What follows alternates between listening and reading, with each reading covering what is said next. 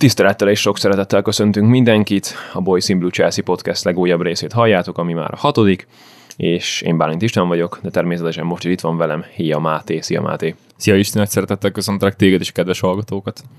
Habár ez most nem Chelsea, és engedjetek meg nekünk ennyi plusz uh, percet, így a műsor elején, ugyanis hát uh, amikor ezt az adást fölvesszük, a magyar fiaink tegnap egy világra szóló és történelmi győzelmet arattak, amitől, amitől még egy kicsit eufóriában vagyunk.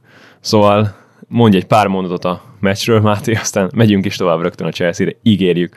Hát azt hiszem, hogy mindenkinek szebben sütött ma reggel a nap, elképesztő tényleg. De hogy Magyarországon szebben sütött, az biztos. Az száz százalék. Angliában nagyon borús lehet az idő. Igen. Uh, nagyon jó volt nézni a mérkőzés után, és nem azért, mert uh, rossz ló vagyok, meg rosszat kívánok bárkinek, de felmentem a Twitter, és mindenhol azt láttam, hogy Southgate out, és nem azért, mert ő neki rosszat szeretnék, hanem azért, mert ez azt jelenti, hogy tényleg felfordítottuk az angol labdarúgást, tegnap évtizedes történelmi mérkőzést játszottunk, utoljára az angolok tőlünk kaptak ki ennyire, és most 50 év után körülbelül újra mi voltunk azok, akik nagyon csúnyán elvertük őket otthon, úgyhogy otthoni pályán gólt sem tudtak rúgni. Oda-vissza clean Fa- sheet. Fantasztikusan játszottak amúgy a srácok, és tényleg az, azt jó látni, nem tudom, hogy meddig fog tartani egyébként ez a teljesítmény. Én egy, még mindig kicsit szkeptikus vagyok, hogy azért ez hosszú távon nem fenntartható ebben a formában. Hogyha Rossi tud alkalmazkodni ahhoz, hogy a játékosoknak már nem kell egy ilyen nagyon szigorú rendszer, mert egyébként látszik a kreativitás rajtuk, és ezek a gólok pont azokból a, a spontán kialakuló kontrákból születnek, amik nem a szigorú stratégiából következnek. Hogyha ez tud Rossi alkalmazkodni, akkor hosszú távon is fenntartható lesz ez, ha nem, akkor pedig élvezzük ki a pillanatot, mert fantasztikus, ami az elmúlt másfél héten történik a magyar fociban. Így van, és azt elmondhatjuk, hogy igazi óriás ölők lettünk Bizony. az utóbbi években. A magyaroknak most úgy tűnik, hogy a nagyok ellen megy, aztán amikor nekünk kell kezdeményezni, akkor kevésbé. Szóval itt kell még egy kicsit fejlődni, de hát azt gondolom, hogy most egy rendes kis előrelépés lesz a FIFA világranglistán, amit nagyon meg- megérdemeltünk, és ugye szeptemberig mi vezethetjük a halálcsoportot. Ki gondolta volna? Irány a négyes döntő. Elkép, egyébként, egyébként az angol mérkőzés előtt egy kicsit úgy voltam, hogy jó, túl vagyunk három találkozón, azért egy kicsit szálljunk vissza a földre, és valószínűleg meg is fog ezt történni. Helyette ott a- felszálltunk egy rakétára. Ja, ott a Wolverhamptonnak a stadionjában, és ehhez képest laposra vertük az angolokat.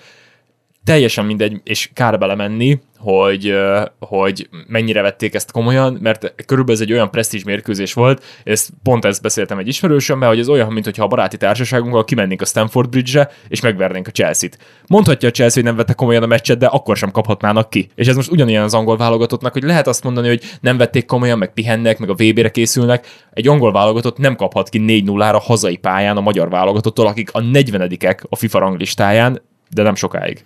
Igen, ahogy mondod, és ahogy, a, ahogy mondtad, az angolok nem kaphatnak ki, méghozzá azért, mert ők gondolom azért nem szeretnének visszaesni a B divízióba, az a, a Nemzetek Ligájában, szóval Már pedig nagyon úgy néz ki. volna. Igen, igen. Na, a helyzet úgy tűnik. Igen. Igen, ennyi elég is volt a magyar válogatottról, ha bár szerintem még két-három óra szívesen beszélnénk. És innen is róluk. hatalmas gratuláció És innen is óriási gratuláció a srácoknak, játszanak. a szurkolóknak és Rosszinak is természetesen. De hát ez most nem a magyar válogatottról szóló podcast, hanem a Chelsea. A mai napon kettő feladatunk lesz. Az egyik egy rövidebb, méghozzá kicsit beszélünk a szezon végéről, majd pedig az adás fő részét a már fél évkor megszokott bizonyítványosztás fogja kitenni, ahol egy négyes skálán négyes skálán, az se lenne rossz mondjuk, de egy ötös skálán. Kicsit unortodox. Igen, igen. Lehet jövőre újítunk. szóval egy ötös skálán értékeljük a Chelsea keretének teljesítményét egyesével, és a lista végén pedig megválasztjuk általunk a szezon legjobbját. Úgyhogy nem lesz egy könnyű feladat, de akkor még térjünk vissza a szezon végére. Legutóbb körülbelül ugye a Real elleni ö, győzelem, de ugye BL kiesés után találkoztunk. Januártól, amikor ugye Zies neki állt szépen termelni, onnantól fogva a Real elleni mérkőzésig ez egy nem azt mondom, hogy 10 per 10-es, de ez egy nagyon-nagyon szuper teljesítmény volt a csapattól, és azért utána én úgy éreztem, kicsit megtörtünk. Volt vereség az Arsenal ellen, x-eltünk a United-del, Wolverhamptonnal x-eltünk, és Evertontól is kikaptunk. Evertontól, igen. Szívesen, Frank. igen, igen, Frankiben maradt, annak azért örültünk. De sajnos ugye az utolsó lépcsőfok, ami ezt az egész szezont, ami úgy gondolom, hogy egy nagyon szép szezon volt, a lehetőségekhez képest. Lehetett volna benne több is, az sajnos nem sikerült meglépni, és meg lett ugyan a harmadik hely a Premier League-ben, de nem tudtuk trófeával zárni az évet, mármint hogy a év legvégét, mert ugye kettő trófeával zártuk a, az évet, a szezont, de a legutolsó nem sikerült, és ez már nagyon fájdalmas volt sajnos, mert hogy sorozatban harmadjára nem sikerült megnyernünk az FA kupát, és sorozatban kétszer kaptunk ki a Liverpooltól kupadöntőben 11-esekkel. Úgyhogy ez borzasztóan fájt, és azt gondolom egy radikálisan más kép lenne így a fejünkben erről az egész szezonról, hogyha azt sikerült volna behúzni, ami egy paraszthajtszálon múlt, ugyanis egy 11-esen múlt itt minden. Igen, sajnos idén a büntetőkkel egyébként nincsen szerencsénk, viszont én úgy érzem, hogy ezt az egészet zárójelbe teszi. Most én is itt görgetem az eredményeket, és nagyon sok a sárga, meg a piros meccs, döntetlen, meg a vereség, tényleg itt pláne a vége fele. Viszont mondom, én úgy érzem, hogy ezt az egészet zárójelbe teszi az, ami a világban történt, és amennyire meghurcolták a csapatot, iszonyatosan nehéz volt, vagy nehéz lehetett így a mérkőzésekre koncentrálni. Én még azt is olvastam, hogy például volt olyan játékosunk, azt hiszem Billy Gilmore-ról írták, hogy adja, aki kölcsönben töltötte a szezont, és, még, most, és most hosszabbított. És most hosszabbított a klubbal, igen, 2024-ig, hogy... Hála az égnek. Igen, igen. Hogy még az ő teljesítménye is a, a kölcsön klubjában megromlott, amikor ez az egész büntetés elindult a Chelsea irányába, hogy nem igazolhatunk, nem szerződhetünk, nem adhatunk el jegyet, az üzletet be kellett zárni a klubban, rendelni se lehetett, szóval mindegy, erről már beszéltünk rengeteget.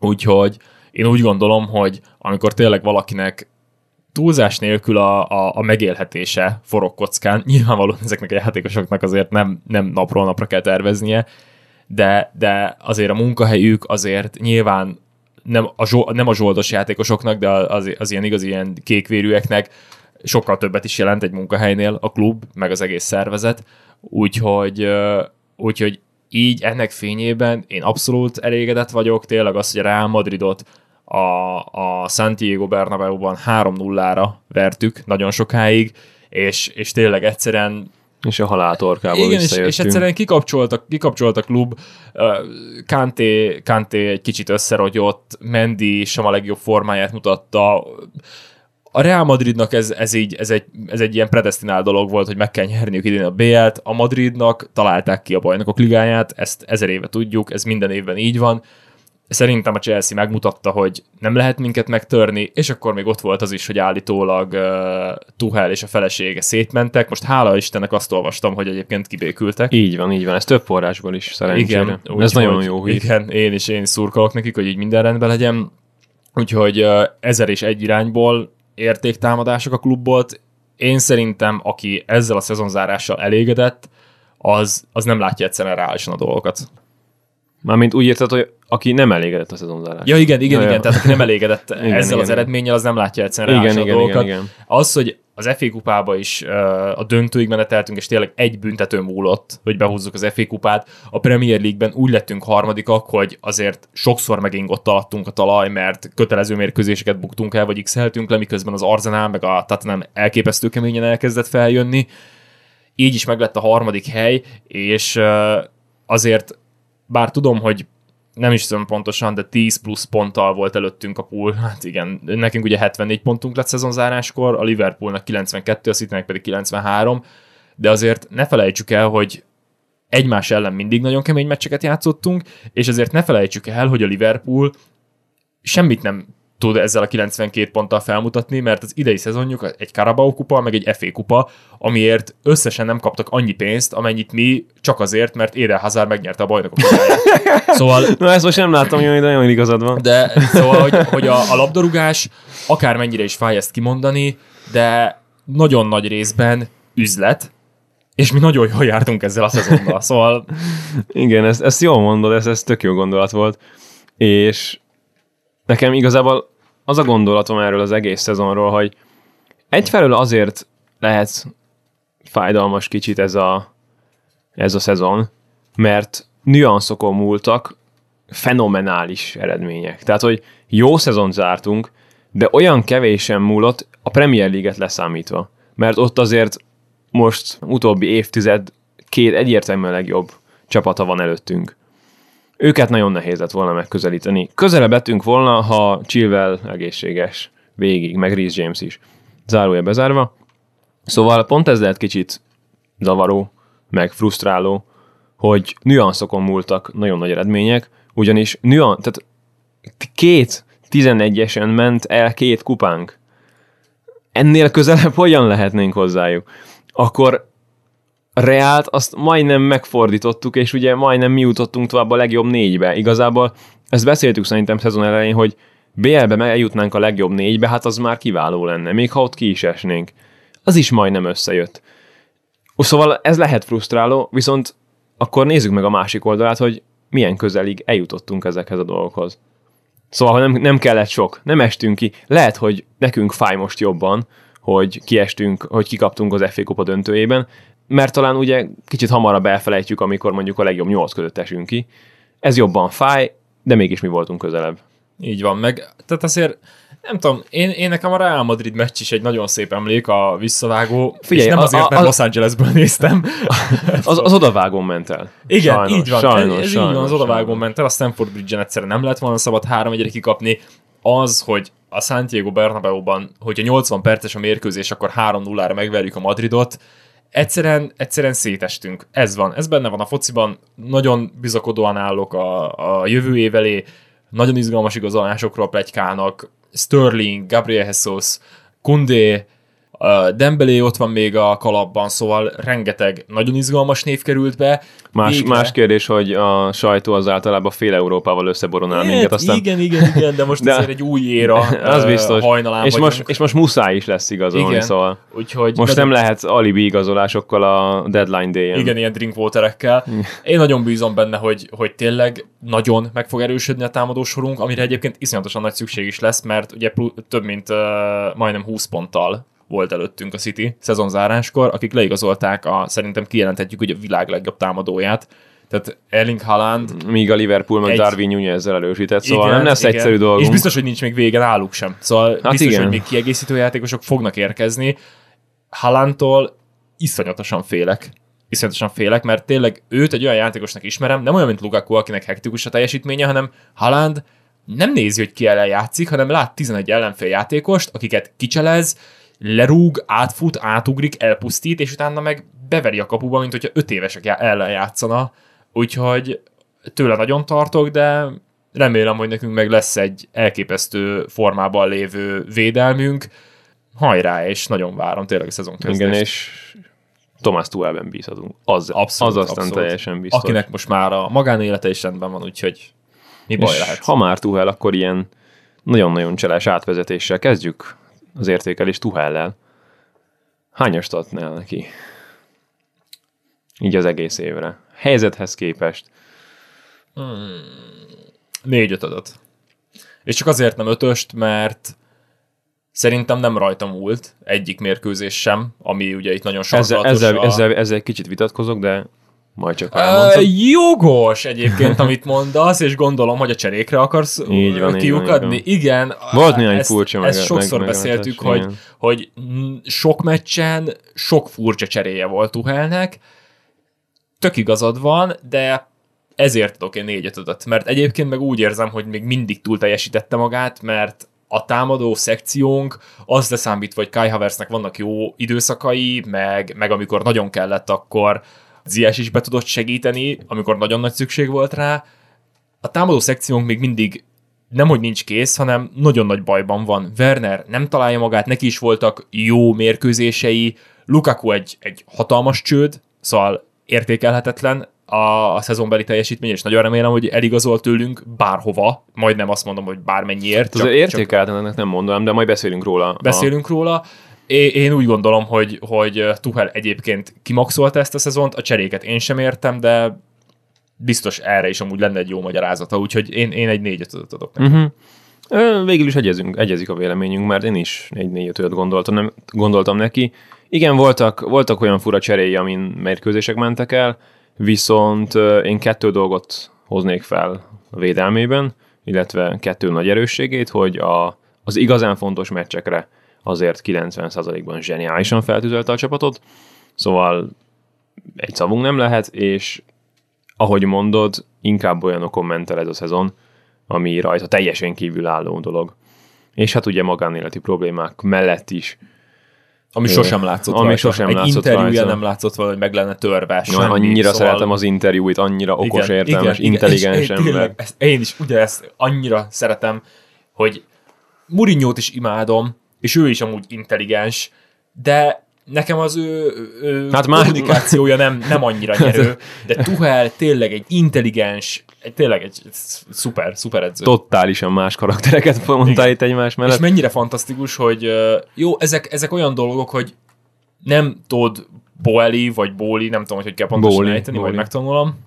Bóli, től, nyilatko, től jött ez az információ, de, de megbízható forrásokból lehetett hallani, hogy kiállnak Tuhel mellett, mert a világ egyik legjobb edzőjének tartják, és nem az lesz, mint a Mourinho érában, hogy ha rosszul kezdi a szezont, akkor repül, hanem ki fognak mellette tartani, és megpróbálnak neki mindent megadni, amire szüksége van Hát ami nem volt a Chelsea-nél, amióta Muri, uh, Abramovics volt a tulajdonos, úgyhogy Szív, remélem. szívből remélem, hogy az így lesz, Igen. és egyébként voltak is most hírek, hogy uh, Tuhel így teljhatalmat kap az átigazolások ja, terén. igen, igen, igen, igen. Ami nagyon jó lenne, mert Épp azért, úgy, mint, mint Klopp, meg, Ja, ja, ja. meg Guardiola. Úgyhogy mert azért egy józan paraszti észre vég, végig gondolva, azért hat azok jöjjenek már, akiket szeretne is az edző használni. igen. És ne azok, akiket meg tudunk szerezni, miután a nagy klubok lefosztották a piacot.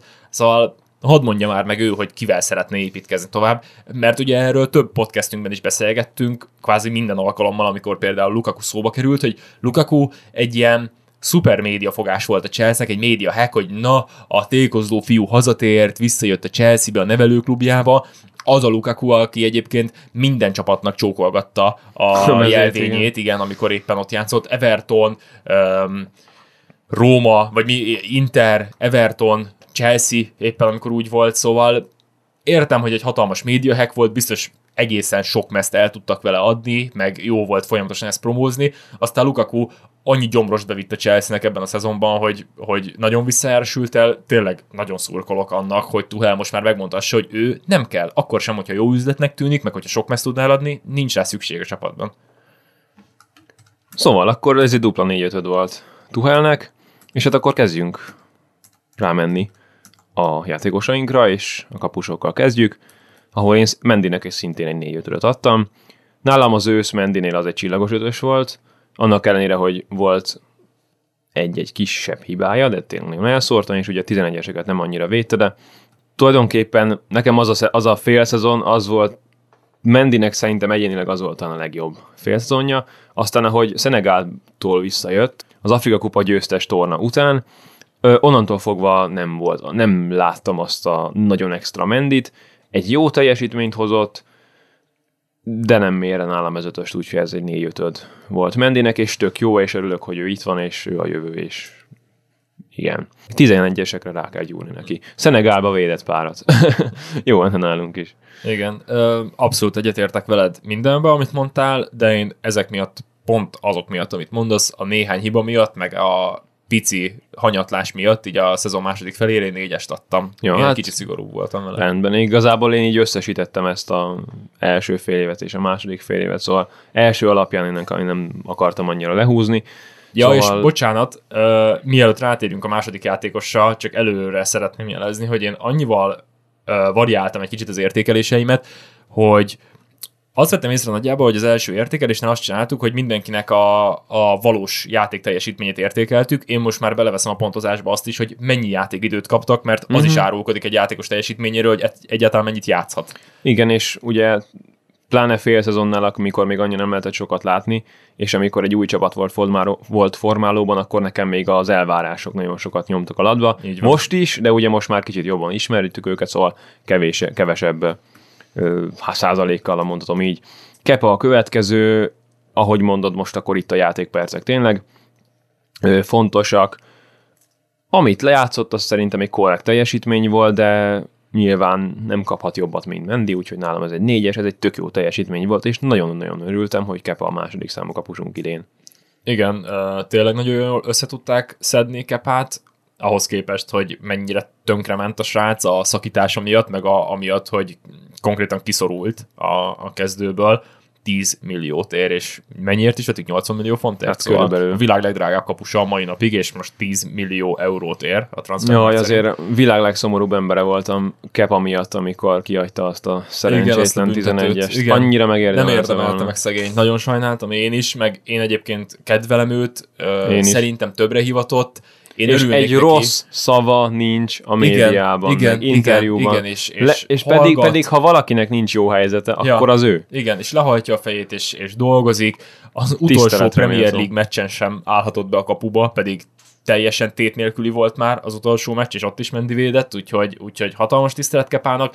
Nagyon remélem, hogy eligazol, és nem azért, mert nem akarom a Chelsea-be, mert szuper, hogy egy ilyen cserekapusunk van, de, de 27 éves, még nagyon sok jó éve lehet kapusként, úgyhogy én bízom abban, hogy talál magának egy olyan klubot, ahol kezdő lehet, és, és még lesznek szép évei. Nagyon jó dolgokat kívánok neki, én egy hármast adtam, éppen azért, mert, mert ö, egyszerűen csak epizód szereplő, ő nem főszereplő, amikor játszott, jól játszott, de nagyon keveset játszott, úgyhogy és, és attól függetlenül, hogy nagyon sajnáltam, kihagyta a 11-est, ami miatt véget ért a 11-es párbajunk. Én egy hármasra értékelem a szezonját. Lépjünk tovább a védelemre, és akkor most kezd te, Antonio Rüdigerrel. Bettinellit akkor átugorjuk. Hát ő Nem nem. láttuk játszani, Ö, úgyhogy valamelyik Karabal meccsen egyszer, játszott, igen, de igen, szóval most arra, arra Igen, 90 hát őt most nem lehet sajnos értékelni. Igen. Ahogyan nem fogjuk értékelni kennedy sem, ugye hát ő egy meccsen lépett pályára a nagy csapatnál. Volt egy gólpassza. Volt, az bizony. Egyes. Nem, akkor kettő. Antonio Rüdiger el fog igazolni, már el is igazolt, hivatalosan bejelentette a Real Madrid. Nem jósolok neki sok sikert, szurkolok neki egyébként, hogy ne az várjon rá, ami Hazárra is, miután eligazolt, de láttuk azt, hogy Rüdigerből igazán jó játékost, és te is nagyon jól elmondtad, hogy az előző beszélgetésünkben emlékszem, hogy mondtad, hogy belőle Tuhel csinált jó edzőt, mert talált egy olyan rendszert, amiben tökéletesen működik. Ez a három védős rendszer. Rüdiger teljesen összeomlott, amikor négy védő volt hátul, nem tudott jól játszani abban a rendszerben. Én egy háromnegyedet adok neki, azért, mert... Erre a szezonra három négyet adsz neki? Igen, mert, Hogy, hogy? mert sok hibája volt. Jó, nem, nem, a három az erős, négyest, de én egy kicsit úgy érzem, hogy nagyobb körülötte a felhajtás, mint amennyire jól játszik, mert nagyon szerettem nézni a játékát, hozzá tudott tenni a támadásokhoz is, úgy helyel közzel, amennyit egy középső védőnek kell, de én egy kicsit túlzásnak érzem ezt, és lehet, hogy egy pici ellenszem is kialakult bennem, ezért a, a túltolt felhajtás miatt, csak azért, mert a Real Madrid le fogja igazolni. Uh-huh. Én úgy gondolom, hogy akkor érdemelne a négyesnél jobbat, hogyha nem kellene hozzáigazítani a védelmet. De tényleg csak akkor működött jól, amikor három van hátul, és akkor maximum ilyen szárnyátékosok, de négy védős rendszerben egyáltalán nem működött, úgyhogy én nálam egy De idén nagyon, indulat. idén nagyon kevésszer volt négy védős rendszer. igen, idén nagyon kevésszer volt négyvédős rendszer, de azért voltak apróbb hibái neki is. Sokszor úgy is éreztem rajta, pláne a szezon második felében, hogy ő már fejben annyira nincs ott a meccseken, máskor meg egyébként tényleg az látszott rajta, hogy meg akar halni a klubért. Totál ingadozó, én, én egy négyest adok neki. Itt most nagy különbség van közöttünk. Igen, egy kicsit szkeptikusabb vagyok. nem, pro- nem probléma, ez egyébként így voltak különbségek ugye a osztályozásban az őszi, illetve a téli bizonyítványosztásnál, és ez igazából így van rendjén, tehát hogy Nálam Tiago Silva mellett egyértelműen a védelem vezére volt idén, és komolyabb megingások, annak ellenére, hogy ő végig robotolt az egész szezont, ő játszott a legtöbbet, és, és pont ezért fájt, hogy, hogy, hogy, hogy távozik, mert egy két-három hasonló szezon egy olyan helyen, olyan pozíción, ami, ami neki ki van bérelve, szerintem az neki tuti fix. Úgyhogy ha megmaradt volna ez a háromvédős rendszer, akkor szerintem sima liba, de nekem ez nagyon tetszett, és egy csodagól is összejött neki. Nekem, nekem komolyabb hiány. Nekem nincs vele kapcsolatban hiányérzetem, szerintem ez egy nagyon stabil szezon volt, és nálam ez egy ötös volt. Ja, ez, ez a teljesítmény. Mendivel ellentétben tehát hogy ugye Mendivel összekapcsol, összehasonlítva, akinek voltak megingásai, Rüdigernél kevesebb megingást éreztem, és egy nagyon stabil szintet végighozott, úgyhogy nálam ez egy ötös. Egyébként abszolút igazad van, tényleg kevesebb szerint ingott meg. Én még a négyest annyival támasztanám alá, most már csak magyarázom a bizonyítványomat, de egyébként, egyébként tényleg akkor is kitartok a, a, a jó indulatú négyes mellett, hogy nekem nem volt szimpatikus az, ami történt. Nem azt mondom, hogy megidézte, ami Kurtá körül lezajlott, mert az, az szörnyű volt, de mielőtt még ugye a szankciók megtörténtek volna, és a Chelsea kezét megkötötték, már előtte is sok héten, meg hónapon keresztül azt lehetett hallani, hogy tettünk ajánlatokat, de Rüdigernek olyan aberráltan magas elvárásai voltak fizetéssel kapcsolatban, amit egyszerűen nem indokol meg semmilyen teljesítményt. Tehát, tehát hogyha egy Prime Ronaldo vagy egy Prime Messi kér ilyen fizetést, akkor érdemes rajta elgondolkodni, de egy nagyon-nagyon jó védőnek egyszerűen nem indokolja meg a teljesítmény, hogy ekkora fizetést kapjon, és akármit is mondanak, szerintem Rüdigeren csúszott el az, hogy, hogy, hogy ő nem akart itt maradni a klubnál, és nem tetszett az, hogy, hogy nagyjából az jött le, hogy ő állított egy ilyen, egy ilyen megadhatatlanul magas fizetési elvárást a klub felé, és mivel a Chelsea nem adta meg, végül az jött le a médiában, meg tök úgy olyan érzet volt a csoportokban is, hogy a klub hibás azért, mert Rüdiger eligazol, és akkor utána meg ugye jöttek a szankciók, nem ajánlhattunk már neki újabb szerződést, és akkor a végén már nem is maradt más választás, mint hogy eligazoljon. Nekem ez az egész folyamat, ami történt, nem tetszett. Uh-huh. És oké, okay, hogy pályán kívül, de nekem ez, ez is hozzátartozik, mert nyakig benne volt Rüdiger, az ügynöke, meg a Chelsea ebben az egészben. Nagyon nem tett jót, pláne a szankciók előtt, meg a játék teljesítményének, meg aztán a szankciók alatt az, hogy Rüdigerrel egy ilyen színjáték ment. Én nekem ez is úgy rontotta az összképet, ami értem, vele értem, értem, abszolút értem. Ö, még annyit, annyit tennék hozzá, hogy a hivatalos Rüdiger interjú szerint ugye onnan indult el a probléma, hogy ő ő nyitott a klub felé, és nagyon későn kapott választ. És ugye megjött ez a tulajdonosváltási folyamat, ugye, hogy Abramovicsnak távoznia kellett, és a teljes bizonytalanságban neki döntenie kellett ennyit így hozzátennék, és szerintem lépjünk is tovább, mert hogyha négy játékosan ennyit időztünk, akkor sokáig. Egy De még fejezve nyugodtan. csak egy Antonio Rüdiger, akit te is elmondtál, hogy bérelt helye van a védelemben, azért arra számíthatott, hogy nyilvánvalóan a klub nem fog megszűnni, és hogyha két-három hétig, vagy egy-két hónapig nincs is szerződése, és mondjuk ne Isten nem, kell fizet, nem kap fizetést, mert nincsen szerződése, egy, biztos vagyok benne, hogy ezt kompenzálta volna a klub, miután újra tudják szerződtetni, mert fel, feloldják a tilalmakat. Kettő, erre számíthatott, hogy le fognak zajlani a dolgok, szóval nekem ez egy kicsit ilyen, ilyen, ilyen alibizéstek tűnik, hogy jaj, neki döntenie kellett. Persze, de úgy is dönthettél volna, hogy a klub mellett maradsz, Szóval ne akarja a szankciókkal magyarázni azt, hogy ő el akart igazolni. Mert el akart igazolni, ez tök nyilvánvaló.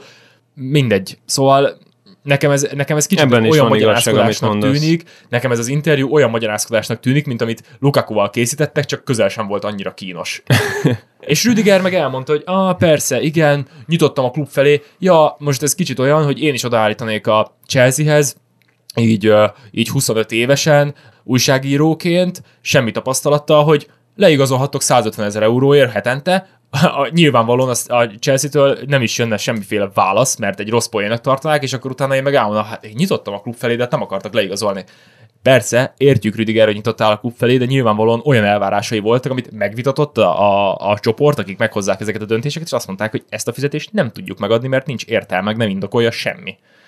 És azért tegyük hozzá, hogy mint ahogy mondtam korábban is, azért a foci üzlet is, és Rüdigernek oké, okay, hogy sok rajongója van, meg tök jó, meg shoot-shoot minden mérkőzésen, de azért biztos vagyok benne, hogy nem kell el annyi Rüdigeres merchandise, mint például a Mason Mountos, Reece James-es, Ben Chilwell-es STB, úgyhogy még üzleti részen sincs megindokolva ez. Értem, abszolút értem. Négyes. Annyira, öröm az örömben, hogy, hogy szerencsére a teljesítményére nem ment rá ez az egész hercehurca, akinek igen, viszont igen. nagyon-nagyon ráment az András Christensen, aki nálam, amikor játszott, volt ugye egy nagyon-nagyon rossz mérkőzése, fú, fejből nem tudom, de volt egy olyan mérkőzés, egy rangadó, amin emlékeim szerint két gólt kaptunk róla, a, több, a, többi, a, többi, a, a többi mérkőzésein komolyabb baj nem volt vele, de nálam itt az, ahol nagyon-nagyon bejött a, a külső tényező, hogy, hogy erre rámennek az egész szezonja, és az elvárások is, mert én őt tavaly egy majdnem Rüdiger szintű védőnek tartottam, amit mutatott Tuhelnél, úgyhogy nálam ez egy hármas volt idén. Ehhez nem is fűzök hozzá semmit, én is hármast adtam, pont ugyanezért. Három negyedet adtam neki fél évkor, most hármast. Teljesen szétcsúszott a, a, a teljesítménye. Trevor Csaloba, fogalmam nincs, hogy miért szorult ki ennyire a csapatból. Én majdnem biztos vagyok benne, hogy Tuhellel volt valami nézeteltérése, vagy valamiért egyszerűen elégedett volt vele Tuhel. Éppen ezért uh, most csak három negyedet adok neki, mert muszáj valamit rontanom a, az értékelésén, pont azért, mert azt ígértem, hogy a játékidőt is beleszámítom. Amikor a pályán volt, nagyon stabil volt, de sokkal kevesebbet játszott a szezon második felében, amit nekem totál indokolatlan, nekem három negyed. Nálam ez egy négyes, én fél évkor ötöst adtam neki, ugye itt is az elvárások ö, nyomtak alatban nagyon sokat, hát akkor a semmiből megérkezett, és egy olyan teljesítmény lenyomott, hogy na mondom, ez a srác, ez meg honnan érkezett, és hogy ilyen jó, ilyen fiatalon. Így nagyon jó volt az, e- az első fél szezonja, a második korrekt volt, én is szerettem volna, hogy többet játszik, de komolyabb probléma nem volt benne. Kicsit, kicsit ősszel magabiztosabb volt, úgy éreztem, kicsit néha-néha megingott, de komoly bajok nem voltak vele, és egy nálam ez egy négyes, és egy nagyon fontos statisztika, hogy amikor ő, ő kezdett ebben a szezonban, akkor nem kaptunk, nem kaptunk ki mérkőzésen. Azért ez csak elmond valamit, még, ha nem, még, ha nem is fedi a, még ha nem is fedi a teljes igazságot. Malang Szár viszont sajnos nem volt annyira jó, ő nagyon keveset is játszott, amikor játszott, akkor hozott egy olyan kisebb csapatok ellen egy olyan egész jó szintet, aztán sajnos itt a szezon vége felé voltak nagyon rossz teljesítményei, úgyhogy hát most itt kicsit gondban vagyok, hogyha Christensennek hármast adtam, akkor Szár kapjon egy jobbat, kapjon egy rosszabbat, te mit adtál, Máté? Én egy kettedet. Egy kettedet? Az elég, az elég alacsony, akkor nálam két harmad lesz, úgy döntöttem. Jó, nekem Malang Szár azért egy ketted, fél évkor én hármast adtam, most azért egy kettedet, mert a hármas sem volt erős, meg, meg ö, nem hajoltam meg előtte, viszont, viszont a második részében a szezonnak nagyon sok rossz teljesítménye volt, két meccset is elvesztettünk miatta, és emiatt nyilvánvalóan keveset is játszott, viszont mégis úgy éreztem, hogy ő kap játék lehetőséget Csaloba játék idejének a rovására, Úgyhogy én ezért adtam egy kettedet, mert... Akkor ez egy kicsit tuhel is megkapta ezt a... Igen, igen, igen, igen mert, mert nem értettem, hogy hogy lehet az, hogy Szár a szörnyű, és tényleg egyébként borzasztó amatőr hibái ellenére újra Igen. pályára lépett. Emlékszem, az Arsenal ellen volt valami kriminálisan rossz teljesítménye, ami nagyon durván beégett, amikor fixen két volt. Hát mondjuk kaptunk. érted, ott, ott meg inkább azért ugye Marcos Alonso volt van azon az oldalon, tehát hogy... Hát igen, csak mind, szóval Szárnak is olyan, olyan alapvető fundamentális hibákat követett el, hogy, hogy labdalevételek, meg, meg kifejelések nem, nem működtek nála, úgyhogy nálam ez egy egy Nagyon keveset játszott, mégis többet, mint Csaloba, ez már két rossz pont, és amikor játszott is, inkább volt szörnyű, mint elfogadható. Tényleg, ahogy mondott, hogy kis csapatok ellen egy elfogadható teljesítményt hozott, de Chelsea-ben játszik. Nem egy Wolverhamptonban, ahol kiegészítő mhm. játékosokra is szükség van, hanem a Chelsea-ben itt a kiegészítő játékosnak is jó teljesítményt kell hozni. Uh-huh. A Malangszár egyszerűen nem Chelsea szint, de azt hiszem ezt fél évkor is egyébként így kimondtam, és most meg határozottan állítom, hogy meg kell tőle szabadulni, mert nem kell kiegészítő játékosnak sem szár, egyszerűen nem a Chelsea-nek a szintje. Egy-ketted nálam. Értem, értem, értem. Szilvát igazából nagyon rövidre szeretném zárni, én fél évkor neki csillagos ötöst adtam, most egy ötöst, méghozzá amiatt, mert amikor gyengélkedett egy kicsit a védelem, akkor annak azért ő is a tagja volt, viszont pályafutása során ez a 30, jóval 30 fölötti ember a legtöbb meccset játszotta per szezon. És úgy hozott egy elképesztő klasszis teljesítményt, úgyhogy ez egy egyértelmű ötös nálam. Nálam Tiago Silva fél évkor négy kapott, most is négy kap, azért mert, és csak azért nem ötöst, én csillagos ötöst így nem vettem a rendszerbe, de egyébként... Ö, idén, idén egyébként én sem adtam. Most, most ebben, ebben aha, most aha. én sem adtam csillagos ötöst, ősszel adtam. Pedig egyébként tök jó lenne, majd, majd Igen. a következő értékelésre már én is majd így bevezetem a rendszerbe. Négy ötöt adtam fél évkor, most is négy ötöt adok éppen azért, amit mondasz, mert amikor egy kicsit megingott a rendszer, akkor Szilva is ebben benne volt, de úgy gondolom, hogy ez kicsit így generálja is magát, szóval, ha körülötted a játékosoknak romlik a teljesítménye, akkor az úgy magával kiszív Hát meg mindenkit. ennyi, ennyi Meg ez az, ilyen idősen, egy ilyen teljes... idős. Igen, szóval elképesztő. Ez is fölnyomja nálam. Így van. Magához képest nagyon-nagyon jó, azért is nem ötös, mert egyébként én is abszolút elégedett vagyok vele, hanem négy ötöd, mert szóval próbálok, próbálok ö, objektív maradni, és nem vehetem nem számításba azt, hogy egyre többször sérül, meg egyre kevesebb játékidőt kaphat, azért, mert egyszerűen az egészségügyi állapota nem enged többet. Nálam ezért négy ötöd, de egyébként hogyha ő mondjuk 23 éves lenne, akkor az ötös skálán tízest adnék neki. Mert akkor nyilván folyamatosan játszana, és olyan mentései vannak, filmbe illő jeleneteket Hát, produkál, amik Legnagyobb tanár. így van. Legnagyobb így tanár. Van, így van. És pont ezért azért fontos a védelem izmosítása, hogy most már azért ne neki kelljen adni a teljes szezon körülbelül. Ja. Ben Chilwell a következő, amit láttunk tőle az ötös, de hát ez egy ilyen zárójeles ötös, mert nagyon keveset játszott. Nem tudtok neki mást adni, mert az, az fenomenális volt, Igen, amit, amit igen. játszott. Én tőle. pont ezért- élete, élete formájában játszott Ja. akkor.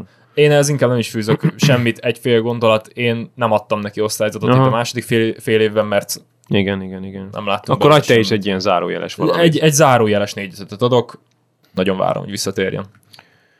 Következő, hát Chilwell pótlása Marcos Alonso. Nagyon megosztó, nagyon sokan szidják, néha okkal is lehet őt kritizálni, mert a védekezésben nem jó, viszont amit pozitív bumként felhoznék, hogy támadásokban még mindig nagyon jól lehet használni. Nagyon jó befejezései vannak, néhány szép gólt is lőtt, és talán, ha még emlékeztek, amikor a szezon elején még az EB után nem sokkal ugye Chilwell még pihen, hát mondjuk úgy, hogy pihent, akkor Alonso kezdte a szezont, és nagyon jó volt. Úgyhogy ezért nálam a védekezési hibák azok nagyon lehúznák, de, de a folyamatos küzdés, és azért végig kellett neki is nyomni ezt a szezont, én így egy 3-4-jel jutalmaztam a jó öreg Márkoszt, és szerintem neki jobb lenne távozni. A Barcelona ugye érdeklődik iránta elég komolyan. Így most a Barcelonánál mondjuk elég nagy gondok vannak, mert hát, Tulajdonképpen ők, felép, ők felépíték a, a Chelsea védelmét igen, igen, Barcelonában. Igen, igen. Hogyha, majd, hogyha majd a pénzügyeik megengedik, hogy Na hát ez az, viszont addig még azért hozzuk el tőlük Dembelét, meg Így van, így van, így van, és akkor valamit valamiért. Én Marcos Alonso-nak fél évkor háromnegyet adtam, most hármast adok, elképesztően tisztelem azért, amiért soha egy rossz szava nincs. Neki a magánéletében korábban volt ugye egy, egy autóbaleset, amiért nagyon sok rossz szallót szerzett magának, és ezért a mai napig nagyon sok stadionban kifütyülik a Chelsea szurkolókat, és nagyon megosztja az ő karaktere.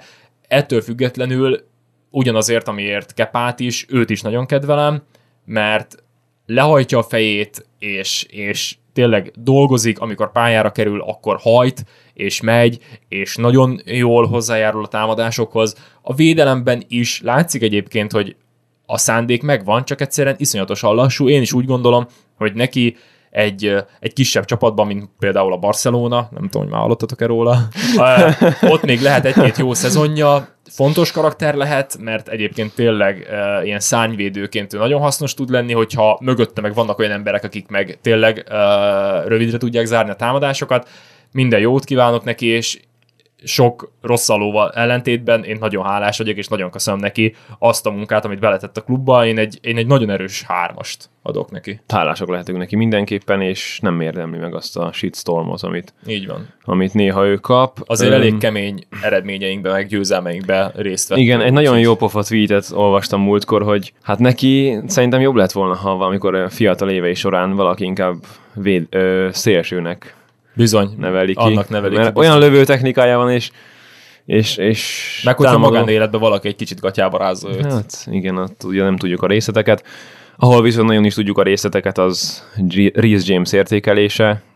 Szerintem egyértelmű, ugyanazt adtuk, ugye? Hát igen, nálam ötös. Így van, így van, nálam Viszont- is ötös. Nálam ez egy ilyen egy ilyen zárójeles ötös, és utána kiradíroztam a Igen, zárójelet. a, fogadjunk olyan játékpercek. Így van a Így van, játékpercek így van, így van. miatt, és kiradíroztam a zárójelet, de azért halványan látszik a Igen, papíron. azért amikor játszott, akkor azért. Akkor tanár e- egyszerűen egy, egy, egy pankrátor, oroszlán, szörnyeteg, pusztító, romboló gép.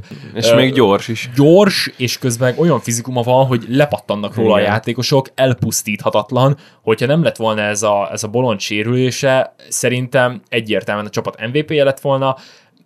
Zárójeles ötös, és talán egy kicsit ezzel meghazudtolom magam, az lenne a korrekt, hogyha négy ötöt adnék, de nekem Reece James egy akkora uh, favorit, hogy, hogy ez egy zárójeles ötös, és nagyon-nagyon-nagyon-nagyon-nagyon várom, hogy újra pályára lépjen, és újra kezdő legyen. És új, újra Chilwell együtt. Így van. Aspilicueta következik, én ősszel neki négyest adtam, egy, hát akkor olyan csöndes félszezonja volt, sajnos inkább a második félszezonban kisebb hibáiról, lehetett olvasni, szóval jobbat nem tudok neki adni, de viszont Alonso fölé helyezni, azért úgy, hogy nekem ez négy alá lett, négyes alá. Nekem három negyed, amivel szintén Alonso fölé helyezem, egyébként fú, nagyon jó meglátás, igen, Alonso fölé kell helyezni, de sajnos az ő teljesítménye is lassan, de romlik. Lelassult uh, Aspi, amúgy sem volt olyan túlságosan gyors játékos, de most már nagyon könnyen támadható gyors játékosokkal. És ha bár ő még annyira nem idős, de úgy érzem, hogy többet játszott, mint kellett volna. Így van, így van. Kicsit kevesebb játék neki is jobbat tett Túl volna. volt már hajtva. Én őt nem szívesen engedném el, mert szerintem ő egy, egy ilyen szuper száb lehet. abszolút, abszolút Meg, nem. meg, ő, meg ő Chelsea legenda. Így van. Tehát Hát ha még a nyáron elmegy, akkor is Chelsea legenda. Így van, Csak így azért van. szeretnénk neki egy szép búcsú meccset. így van, úgyhogy, úgyhogy én egy, én Még egy évet három, maradjon erős három negyedet adok neki, és maradjon. Ja, Maradjon ja, ja, ja. nálunk. Ahogyan Kanté is sajnos elkezdett elfáradni, de hát nem állok ezelőtt értetlenül. Ugyanis hát csapágyasra volt hajtva az utóbbi pff, tíz évben. Igen, körülbelül. igen, igen. Szóval, hogy Amióta tud róla a foci világ csapágyosan hajtva. kijött rajta, igen, igen. Ugye itt is a kevesebb játékperc is itt kicsit belejön a képbe. Az is, hogy ő azért egy sokkal magasabb szintet is tud hozni. Még nem is olyan régen, ugyanis tavaly zsebre rakta az egész bajnokok ligáját. Egy éve. És ebből sajnos idén nagyon keveset láttunk. De azért amellett, hogy volt tényleg egy-két gyengébb meccse, azért azt sem mondanám neki, hogy egy rossz szezonja lett volna. Négyes nálam. Abszolút. Ugyanezt akartam elmondani. Léphetünk is tovább szerintem Léphetünk a tovább. következő. Erős négyes. Zsorzsi. Ő is egyébként valamiért egy megosztó figura, és ebbe teljes melbőséggel belemerek állni, hogy nem értem miért, mert szerintem azon kívül, hogy vannak apró hibái, nagyon jól szervezi a középpályát, és tényleg nem lehet azt mondani, hogy nem akar hajtani, tényleg kidolgozza a belét, amikor a pályán van, és attól függetlenül, hogy ő nem egy olyan izomember, mint például Reece James, felvállalja a kontaktokat, azért, mert nyeglének tűnik, Kai Havertz is nyeglének tűnhet, de az a testalkatuk miatt van, mert a Premier League védői mellett nyilván sok ember eltörpülne, úgyhogy, úgyhogy én Zsorzsinyót nagyon szeretem, ő rajta is egy kicsit azt érzem, hogy vagy elkezdett elfáradni, vagy egyszerűen túl van hajtva. Most egyébként a válogatottból ő ki is maradt, mert ő inkább pihenni szeretett volna, nem vállalt. Hát sokan kimaradtak most az olasz keretből, most Igen. kísérleteznek. Igen, de hogy így én úgy tudom, hogy Zsorzsinyó azért is, mert ő nem Na, a az szociál- úgy lehet, simán. mert hogy ő, igen, tehát hogy ő, ő inkább szeretne most egy kicsit Hát de fújni. ő amúgy alapember az olaszoknál, az igen, kérdés, nem szóval, kérdés. szóval, szóval nagyon jó játékos. Fél évkor én négyest adtam neki, úgy gondolom, hogy ez most is reális, sokat játszik, inkább jobb teljesítményeire emlékszem, én amúgy is egy ilyen Mhm. pozitív karakterként emlékszek rá, mindegy, nem akarok belemenni a részletekbe, szerintem egy négyesnek érdemel. Egyébként ajánlom a kedves hallgatók figyelmébe, Zsor, ö, fú, hát tudna, eszembe jutna, milyen volt annak a Chelsea, The Clubhouse, egy nagyon jó pofa sorozat a Chelsea hivatalos csatornáján, kettesével hívnak be a játékosokat, és mindenféle quiz kérdést tesznek föl nekik, és Zsorzsinyó volt a legutóbbi részben, talán Mount, Mason Mount-tal, elképesztően szórakoztató figura, már csak emiatt is még egy kicsit jobban megszerettem. Egyébként ugyanígy, ahogy te mondtad, egy négyes adtam neki, tavalyhoz képest visszaesett kicsit a teljesítménye, nem kell többet magyarázni. Kovácsics teljesítménye is, is egy nyúlfartnyit vissza, visszaesett, úgy, úgy érzem, de továbbra is ő a középpályás, középpályánk legjobb embere, úgyhogy öt alá. Fél évkor négy ötödöt, most is négy ötödöt adok neki, egy hajszállal úgy érzem, hogy jobb, mint Zsorzsinyó, de ő is sérült volt, amit szintén nem Ja, vehetek ja, ja, nem figyelembe, jogos. úgyhogy a játék ideje is egy kicsit ezt megsínylette, nyilvánvalóan. Mhm. Uh-huh. Ennek ellenére nagyon fontos karakter volt, amikor játszott, általában jól játszott. Talán ő a csapatban az egyetlen olyan, akinek nem emlékszem konkrétan gyenge mérkőzésére. Uh-huh. Tehát amikor pályán van, akkor azért egy konstans minimum vagy jó, vagy kiemelkedő eredményt hoz, nálam 4 5 a sérülés meg minden ellenére, tehát a fél éves eredményt megkapja. Én nagyon szerettem, nagyon örülök, hogy itt van, és remélem, Elképesztően hogy... alulértékelt. Mikor sorolják őt a Premier League legjobb középpályásai közé, tehát azért... ott lenne a helye. Így van, tehát és azért kész. egy olyan játékos, akiről Luka Modric azt mondja, hogy a horvát hát válogatott hát jövője, azért ott már el kell gondolkodni. És a Chelsea jövője is. Abszolút, egyértelműen, abszolút. egyértelműen nem kérdés. Saul Nyigez következik, borzasztóan sült el az átigazolás viszont, ami azt a kevés lehetőséget, amit a nagy kultúrsok, vagy nem is tudom mi okozta az első mérkőzéseken, azt azért sikerült úgy ki, kihevernie, és azért ilyen kisebb mérkőzéseken voltak egész jó teljesítményei is, szóval nem volt igazából annyira elveszve, ha bár Ruben loftus kiérdemelte a, a játékperceket, a többi játékpercet a szezon végén, egy picit néha szerettem volna még Sault is látni, ugyanis emlékeim szerint egyszer, illetve talán kétszer is, amikor tavasztáján elég jó sorozatban voltunk, akkor Tuhel berakta őt Alonso helyére, vagy valamelyik igen, Alonso helyére, és tök jól működött. Igazából ezek az utóbbi mérkőzései alapján én nem, hát nyilván sokkal többet vártunk tőle, itt az elvárások nagyon belejátszanak a képbe. Nagyon-nagyon rossz volt az eleje, de a, a nagyja az azért egy korrekt, közepes volt, azt gondolom. Még azt mondom, hogy volt néhány jó meccse is, de hát ugye kevés játékperc, kisebb mérkőzések, úgyhogy ez alapján egy hármas nekem. Mondjuk ez viccesen hangzik, mert milyen egy nagyon erős kettes de, én, de én azt adtam neki, mert... Nekem, uh, nekem fél évkor volt kettes, igen. nyilván egyest azért nem akartam adni, és ahhoz képest javult, és hármas. Igen, az a baj, hogy, hogy én sem akartam fél évkor egyest adni, pedig kellett volna, és most meg az a baj, hogy azért figyelembe veszem azt is, hogy egymáshoz képest mit adtam Adj neki egy kétharmadot, na. Azért, azért nem adok kétharmadot, mert borzasztó keveset játszott. Na, az is igaz. Borzasztó keveset játszott, és amikor játszott, sem volt egyetlen egyszer sem kiemelkedő teljesítménye. Olyan volt, hogy hozta azt, amit kellett a pozícióján. Nekem ez kettes, és ebben semmi rossz állás nincs. Egyszerűen Értem. nagyon keveset játszott, iszonyatosan nehezen illeszkedett be, kiugró teljesítmény sosem tudott hozni, nagy csapatok ellen nyilván nem kaphatott játékidőt, mert kockázat lett volna őt berakni. Kettes, mindenkinek jobb, hogy visszamegy, jó karakter, én egyébként szorítok neki, mert magánemberként egyébként nagyon szimpatikusnak tűnik, de nem tudott semmit hozzáadni a klubhoz. Pedig azért én, én örültem volna neki, mert az atletiből, atletiben egy kimondottan jó játékos igen. Igen, hát amíg ki nem szorult, de, de ja. igen, szóval egyébként nekem is egy tök pozitív karakter, nagyon remélem, hogy az atletikóban újra szerephez tud jutni, vagy hogyha esetleg elmegy valahova, akár kölcsönbe, akár eligazol, én tényleg minden jót kívánok neki. Nálunk ez kevés játékidőt és kevés jó teljesítmény nyújtott, nekem egy, egy kettes, de szorítok mm-hmm. neki, és tényleg nem, nem rossz állásban van ez a kettes. És, a, és a búcsú levelét azt mindenkinek ajánlom Instán, vagy Twitteren olvassák. Tök őszinte, nagyon, nagyon szíves szóló, és igen, igen, igen, igen, és, és hát nem is lövöm le, olvassátok el, hogyha érdekel titeket. Ruben loftus következik, hát fú, ez olyan liftes szezon volt ez neki eleje és a vége nagyon szép volt, közepén úgy kikerült, meg, meg voltak kevésbé jó teljesítményei, szóval össze visszatért kölcsönből, és ezt az embert önbizalommal fölfújták. Olyan megoldásai voltak, és olyan jó színt hozott annak a, a középpályára, hogy mondom, na király, akkor ő itt, ő itt marad rendesen. Hát télen már ezt nem így gondoltam, voltak ugye gyengébb meccse is, és ki is került. A csapatból viszont visszaküzdötte magát, és a szezon végén nagyon-nagyon erős mérkőzéseket hozott, erre a hullám vasútra, aminek az eleje és a vége az tök jó volt. Én egy négyest adtam, és tudtad-e Máté, hogy Saul, a hány, Saul Loftus Cheek a csapaton belül a legtöbb cselt megpróbáló játékosok között hányadik helyen van? Nem tudtam, hogy egyáltalán ilyen listára ő feljuthatott, de nem is gondolkodtam rajta. Most, hogy mondod, egyébként tök logikusnak tűnik.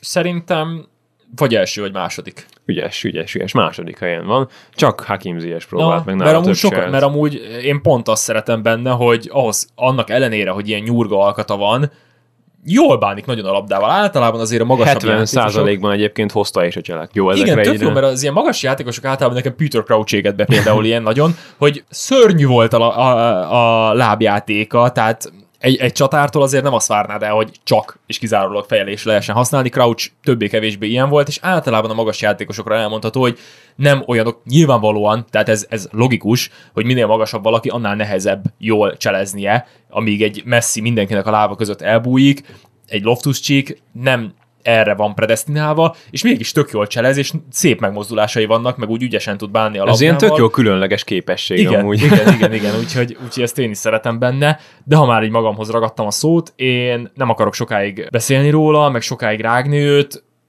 én fél évkor hármast adtam neki, most is hármast adok neki, azért, mert egy nagyjából olyasmi játékosnak tartom, mint Alonso, hogy ott van a név, meg valamit régen hozzácsatoltunk, de már, már ő, ő már nem egy csoda gyerek, őtől már nem várhatunk áttörést, nem is tudom pontosan, hogy hány éves, de ezt egy fél pillanat is kipuskázom. 27 körül, 20, igen, 26 éves. 26.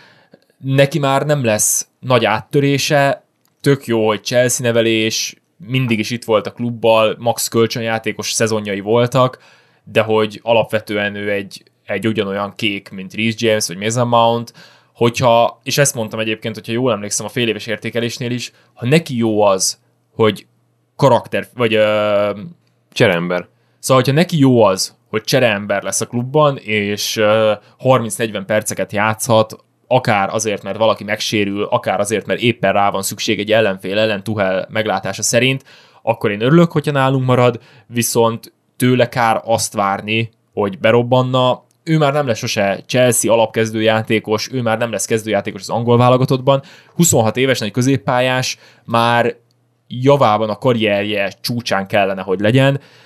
Loftus Cheek egy, egy erős közepes, ahogy az osztályzata is nálam, nálam hármas.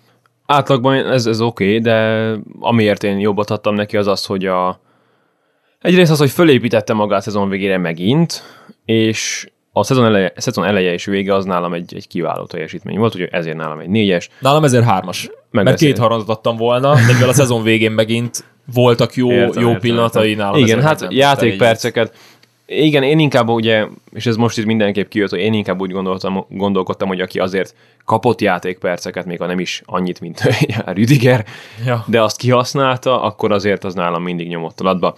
Ross Barkley, hát őt nagyon nehéz értékelni, alig játszott, az egy ilyen közepes volt, nem is tudom, mit mondjak. Hát zárójeles hármas mondjuk, mert egy közepes szintet hozott, de hát annyit, olyan keveset játszottuk, hogy ez, ezt én nem vonnám bele itt az értékelésbe, szóval ugyanúgy, mint Chilwellnél zárójeles 5 ez most a zárójeles 3-as. Nálam ugyanaz van, mint közepes. hogy itt az, el, az elmúlt triumvirátus, Saúl ez nálam egy kettest kapott, loftus egy hármast kapott, Ross Barkley pedig szerintem tökéletesen beékelődik kettőjük közé.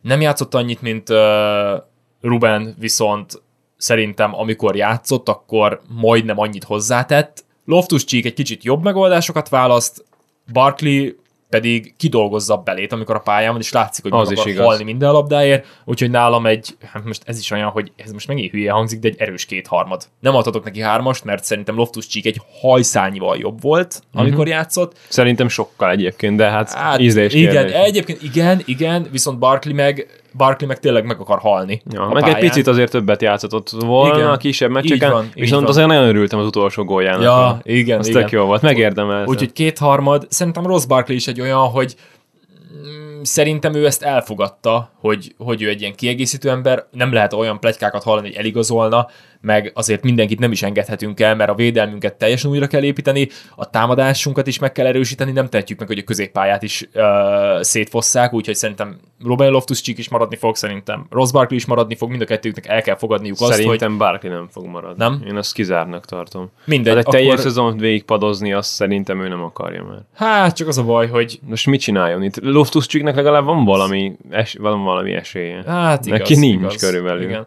Na mindegy, nem tudom. Uh, remélem, hogy marad Barkley, én nálam azok a játékosok mindig könnyebben uh, jutnak a, a szívembe, akiken látom azt, hogy meg akarnak halni Na, a pályán, igaz. úgyhogy, úgyhogy uh, én egy két harmadot adok neki, mert Rubennek egy nagyon picit jobb szezonja volt, Saul Nyigueznél meg Barkleynek volt jobb szezonja, úgyhogy két harmad.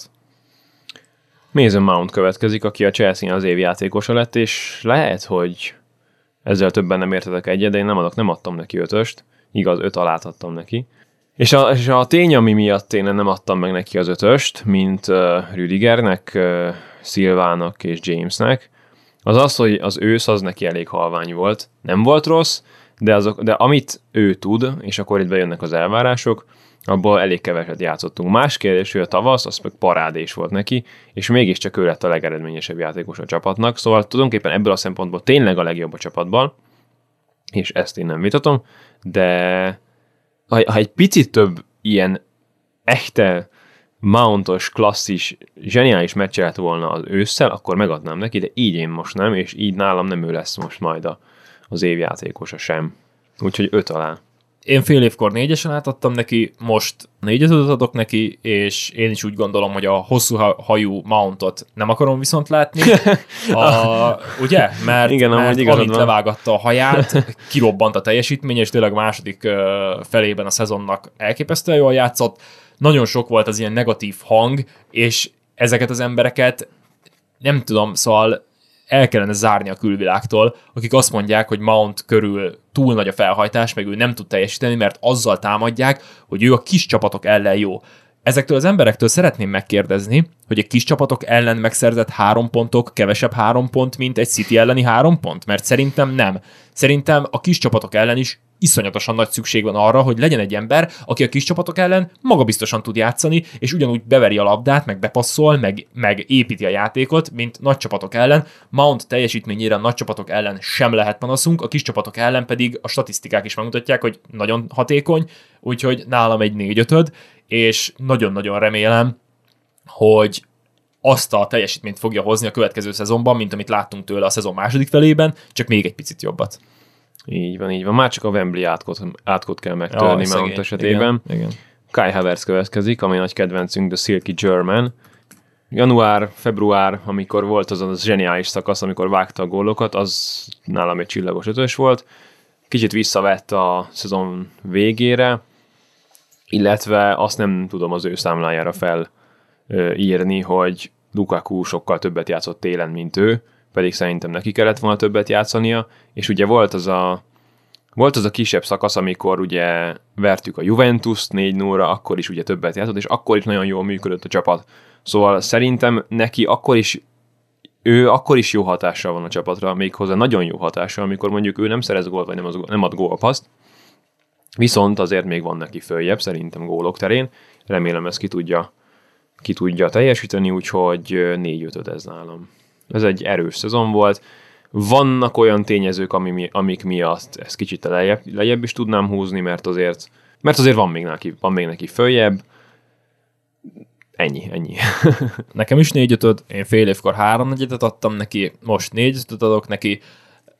Talán ő az egyetlen egy játékos, akinek egy ilyen külső befolyásoló tényezőt beleszámítok, és tényleg ez az, amit te is említettél, hogy nincs ok, amivel nekem a Chelsea meg tudná indokolni azt, hogy Lukaku rengetegszer úgy volt kezdő, hogy semmit nem csinált, nem ért labdához konkrétan. Volt olyan mérkőzés, amikor 90 perc alatt három alkalommal ért labdához. Ez minősíthetetlen és kritikán aluli, ezt egyszerűen nem lehet megmagyarázni. Nem lehet arra fogni, hogy a csapat felépítése erre nem alkalmas, meg hogy nem akarnak vele együtt játszani a csapattársai. Nincs olyan, hogy 90 perc alatt egy csatár háromszor érjen a labdához a Chelsea-ben. Ez megbocsájtatatlan és ennek ellenére Lukaku nagyon sokszor benne maradt a kezdőben.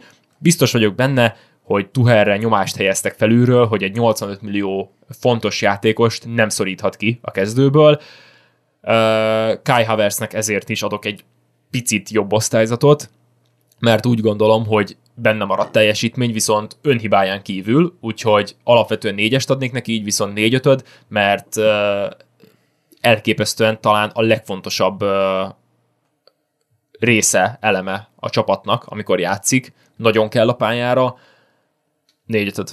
És akkor a következő, Hakim Ziyech, nagyon sokat vártam tőle, amikor leigazoltuk, ugye a marokkói varázsló, azt hittük, hogy Keveset láttunk sajnos a nagyon keveset láttunk tőle, és azt hittük, vagy legalábbis én biztosan, hogy valami Cesc Fabregas szintű játékmester varázsló érkezik a csapatba, ehhez képest nem tudta megvetni a lábát a kezdő csapatban. Én fél évkor egy hármast adtam neki, most szintén egy hármast adok neki, amikor beállt, akkor jól játszott, egészen sokat is játszhatott ahhoz képest, hogy ő cserejátékos És volt egy, és ugye télen volt És volt egy nagyon jó időszaka. Igen, úgyhogy- amikor, amikor én sajnáltam, hogy kikerült utána egy kicsit a kezdőből. Igen, igen. Nálam egy nagyon Más kérdés, hogy akkor Mount meg nagyon bejátszotta Így van, magát. így van. Szóval... Úgyhogy én úgy gondolom, hogy amikor kikerült, akkor az egyébként indokolt volt, Kai Havertzel ellentétben, ezért is adtam a németnek egy picit jobbat. Nálam Hakim Ziyech egy, egy nagyon erős, stabil hármas, remélem marad, nagyon remélem, hogy nem igazol el, mert egyébként ő egy tipikusan olyan játékos, aki, hogyha beáll, akkor egyáltalán nem félek attól, hogy hiányt szenvedne a csapat bármikor. Uh-huh, uh-huh. Na, pont ez az, amit mondasz utol, az utolsó mondatod miatt adtam én egy picivel jobbat neki, mint hármas, így, illetve a következő két játékos társ miatt, mert náluk jobb volt Zies, szóval Ziesnek három negyed, és akkor most őket ké- így egy kalap alá venném, szóval Christian Pulisic és Callum hudson neki mind a, kettő, mind a kettőjüknek hármast adtam. Pulisicnek voltak fontos góljai, de azon kívül nagyon-nagyon kevés dolgot játszunk, láttunk tőle, nagyon kevés jó meccse volt idén, és hát én az ő érdekében, mert amúgy nagyon kedvem, remélem, hogy távozni fog. Hudson Odoi ősszel sokat játszott, küzdött, hajtott, futott, sprintelt, próbálkozott, de nem érkezett tőle igazából úgy semmi, gólok és gólpasszok terén, úgyhogy nekem ez mind a kettő hármas. Hudson Odoi-nak is szerintem nagyon jó tenne egy távozás, de ő biztos nem fog távozni, úgyhogy igen, dupla hármas itt a két szélső esetében. Én uh, Hakim Ziyechhez hasonlóan hármast adtam Pulisiknek is. Én nagyjából egyre értékelem a teljesítményüket. Pulisiknek azért adtam hármas. Ugye százezer sérülés is nyilván. Ja, ja, de akkor is nagyon sokat játszik, azért uh, olyan látványosan rossz teljesítménye nincs. Nyilván egy csatár nem tud akkora hibákat elkövetni, amiből egyenesen gólt kapunk, szóval így ez nem annyira fair, mint egy védővel szemben ezt felhozni, de én úgy gondolom, hogy azért Pulisic nélkül sokszor bajba lettünk volna, és nem azért, mert olyan nagyon kiugró teljesítménye, hanem mert nem nagyon tudnánk mást játszatni a helyén, úgyhogy ne kelljen nagyon átalakítani a csapatot. Lennének rá alternatívák persze, de nem biztos, hogy sokkal jobbak, úgyhogy... Mm-hmm, ja, ezt jól mond, jól én, azért, én azért adok neki hármast, mert dolgozik, küzd, látszik rajta, hogy próbálkozik, nem annyira jönnek be a dolgok, de tényleg lehajtja a fejét, és megteszi, amit elvár uh-huh. tőle a csapat, és annak ellenére, hogy pláne itt az utolsó időszakban iszonyatosan sok negatív kritikát kapott, ja. annak ellenére is hallgat, és azon kívül, hogy levett az Instagramról a Chelsea-t, meg, a, meg lecserélte a profilképét. Én is egyébként abban bízom, hogy, hogy vagy a Chelsea-ben lesz egy stabil helye, és összeszedi magát, erre már kevesebb esélyt látok, hiszen azért már itt van velünk egy ideje, nagyon fogom sajnálni, hogyha eligazol, de a karrierje szempontjából tényleg az lenne a jó, és csak abban bízom, hogy nem lesz uh, rossz érzése a Chelsea-vel kapcsolatban, mert én egyébként kedveltem, meg szerettem, és hálás vagyok a teljesítményért, azért a bajnokok ligája győzte szezonunkban is Madrid ellen hatalmas gólt vágott, úgyhogy fontos és szereplő volt. A fontos meccseken egyébként Igen. neki általában szoktak Igen. fontos Úgyhogy, úgyhogy hármast lenni. adok, ez egy más hármas, mint amit Zies kapott, de, de hármas. És már más hármas, ja, mint Hudson és, és, és Hudson pedig egy két adok, mert két őt viszont határozottan kettejük alásorolom. Ebben van, ebbe van valami, igen. Kevesebbet is játszott, mint Pulisic vagy Zies. Ő, ő, azt, azt most pontosan nem tudom, de ja, ennek, játékidő, ennek után nézek, igen, amíg elmondod. Játékidőben de, is vagyok biztos. Mert ősszel sokat játszott, igen, ezt igen. mindjárt utána nézek. Egyébként ősszel, igen, de, valószínűleg. De hogy ő talán még kevesebbet tett hozzá, az biztos. Igen, szerintem határozottan kijelent, hogy kevesebbet tett hozzá a mérkőzéseinkhez, jelentősen kevesebbet, ő hozzá nem csatolok semmilyen kiemelkedő Igen. pillanatot. Én is egyébként az első értékelésünkön háromnegyedet adtam neki, és Pulisziknek meg Ziesnek pedig hármast, viszont az a háromnegyed nagyon átalakult, és most már csak egy kétharmad, mert teljesen jelentéktelenné vált. És... Kicsit kevesebbet játszott, mint Pulisic. Aha, aha, nem csodálom. Négy, igen. 400 percet, igen, percet kevesebbet. Mondom, hogy, hogy, Megvettél akkor egy, igazából egy, hát bocsánat, kedves Kalum, de egy hármas alára lehúzom. Ugye, mostan. én is egy ilyen, egy ilyen kétharmad, én szeretem hudson de ugyanúgy, ahogy Loftus Cheeknél elmondtam, szerintem hudson sem lesz áttörés, az lett volna a hatalmas Igen, benne business. látom a legkevésbé. Igen. Akkor a Bayernnek a Bayernnek el kellett volna adni. Igen. Ah, ja. igen.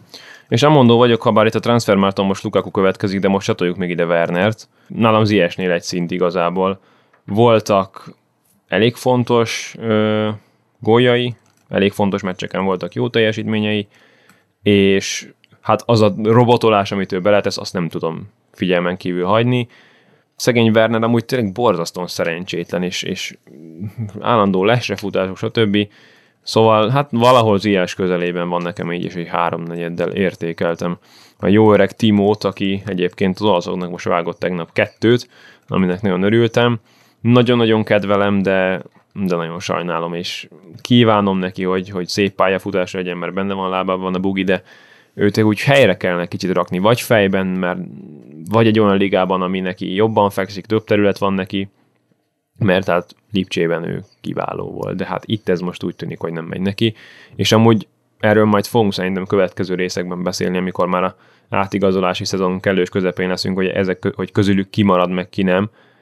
Hát most itt a támadó szekció, Mount Havers nyilván marad, többiek közül bárkit el tudok képzelni, hogy megy, de akkor mond Wernerről az értékelést. Fél évkor négyest adtam neki, most háromnegyedet, pontosan úgy érzem, ahogy mondod, hogy Ziessel nagyjából egy szintű a teljesítménye, de azért adok Ziesnél jobbat Havertz vagy Wernernek, mert sokkal-sokkal-sokkal többet játszik, és tényleg az a munka, amit beletesz a, a játékba, az egyszerűen ö, ö, megérdemli azt, meg uh-huh. kiérdemli azt, hogy jobbat kapjon, mert bár nem feltétlenül hatékonyabb, viszont, viszont elengedhetetlen eleme volt, mert Lukaku-t mindjárt beszélünk róla, de, de Werner nélkül nagyon-nagyon-nagyon kimerült volna a támadás, a támadó szekciónk, hiába fut folyamatosan lesre, ő legalább fut, meg dolgozik, meg hajt, iszonyatosan sokat, úgyhogy nagyon nagy szükségünk volt rá, nyilván egy négyes nem fogok neki adni, mert négyest nála sokkal jobban teljesítő játékosoknak adtam, de mindenképpen, mindenképpen például Zies fölé kell őt sorolnom, úgyhogy mm-hmm. egy, egy négyes. Amikor a Real elleni mérkőzésen és a körül volt egy kis, elég rö, kis rövid jó sorozatunk, akkor ugye összeállt a, a tavalyi BL győztes trió, Mount Havers Werner, és az tök jól működött, szóval annak nagyon örültem, de aztán végére megint úgy visszaesett Werner, úgyhogy szegényke ilyen hullámvasút. Lukakut nekem nagyon-nagyon nehéz volt értékelni, egyrészt azért, mert elvárások, hát az gondolom nem kell magyarázni, hogy, én, hogy mit, mit lehetett tőle várni. Nagyon-nagyon nem illik bele ebbe a csapatba, nagyon nem illik bele a, a, a csapat játékába. Ugye voltak ezek, hogy a, nem ért kb. labdához, de azért emellett abból a kevésből, amit ugye mondjuk kapott tavasszal, azokat egész jól kihasználta. Más kérdés, hogy azt a sokat meg télen nem nagyon használta ki. Szóval szerintem már elég eleget mondtam ahhoz, hogy mi miatt volt olyan nehéz értékelni, és akkor most a másik kalapban meg azt mondom, hogy azért mégiscsak ő a második legtöbb gólt. Te mit adtál, Máté?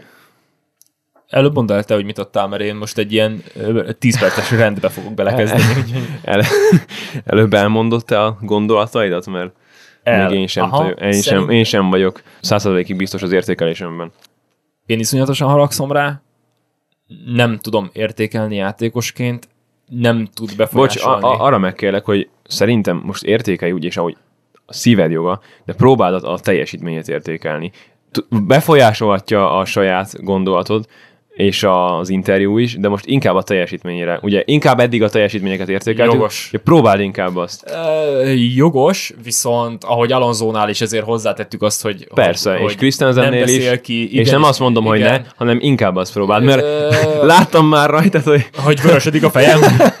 Az a baj, hogy ha még, ha még meg is próbálom szem előtt tartani a teljesítményt, akkor is előttem vannak azok a mérkőzések, amikor, amikor képtelen volt átvenni a labdát, 85 milliós csatár, nem tudott a kapura fordulni, és, és annyira volt jó, hogy ráncigálja egymást a védőkkel, egy 85 milliós csatár, nem volt összhangban a csapattársaival a 85 milliós csatárunk nagyon sok mérkőzésen levették a pályáról, és két-három labdaérintéssel fejezett be egy 90 perces mérkőzést, a 85 milliós csatárunk kiszorította Kai Havertzet a kezdő csapatból rengeteg mérkőzésen keresztül, csak azért, mert ő volt a sztárigazolásunk, a 85 milliós csatárunk, és mindezek fejében még ő volt vérig sértve, és páros lábbal belerugott a klubba, a nevelőklubjába, nem a nevelőklubja, hanem ja, nem a nevelőklub, Anderlecht, de, de fiatalon már ide De került. nagyon fiatalon hozzánk került,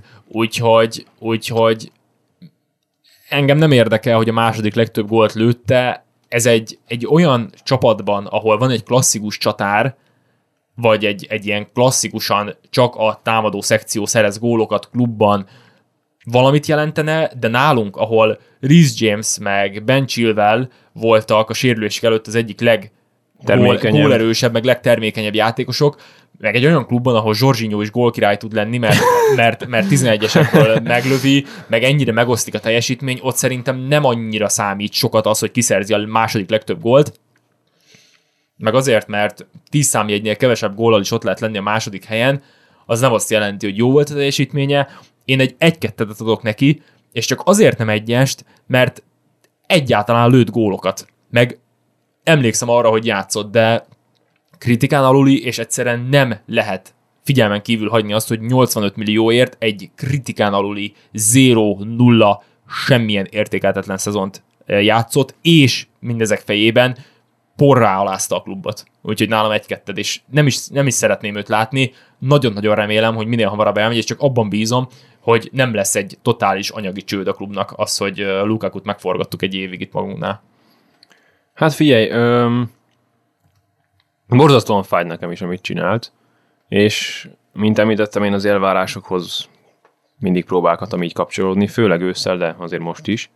A gólok, ele, ahogy mondtad, a gólok ellenére is nagyon, nagyon alul teljesítette, és míg mondjuk Havertz, még azokon, ahogy említettem, még ahogy Havertz mondjuk a góltalan meccsein, meg gólpassz nélküli meccsein is hozzátett a csapatjátékhoz, ő nagyon keveset tett hozzá. Hát nem, nem tett hozzá. Szóval, és ez, és Azt úgy így gondolom, azért nem fogalmaznék, és figyelj azért a Klub VB győzelmet, azt neki köszönhetjük. Ah, na jó, jó, de azért Neki a Klub VB is. győzelem is, azért tegyük a szívünkre a kezünket, én is nagyon örülök neki, és nem azt mondom, hogy, hogy uh, bagatel, de Klub VB győzelem, szóval, érted? Szóval, hogy azért nekem, nekem többet jelentett volna, hogyha mondjuk az Everton ellen nem kapunk ki egy-kettőre, mert mondjuk Lukaku ki Bevág tudja kettőt. használni azt, hogy egy hatalmas nagy ö, csatár fizikumilag, és tényleg bevág mondjuk két gólt Uh-huh, uh-huh, uh-huh. de, de, de egyszerűen, egyszerűen nem tudja levenni a labdákat, egyáltalán nincsen összhangban a csapattal, nem illik bele a játékunkba, nem is törekszik arra, hogy beleilleszkedjen, úgyhogy szóval, És, és ugye rengeteg olyan mérkőzése volt, ahol nem érkezett tőle semmi. igen, igen. Tehát, igen. hogy azért ez, ez elég komoly.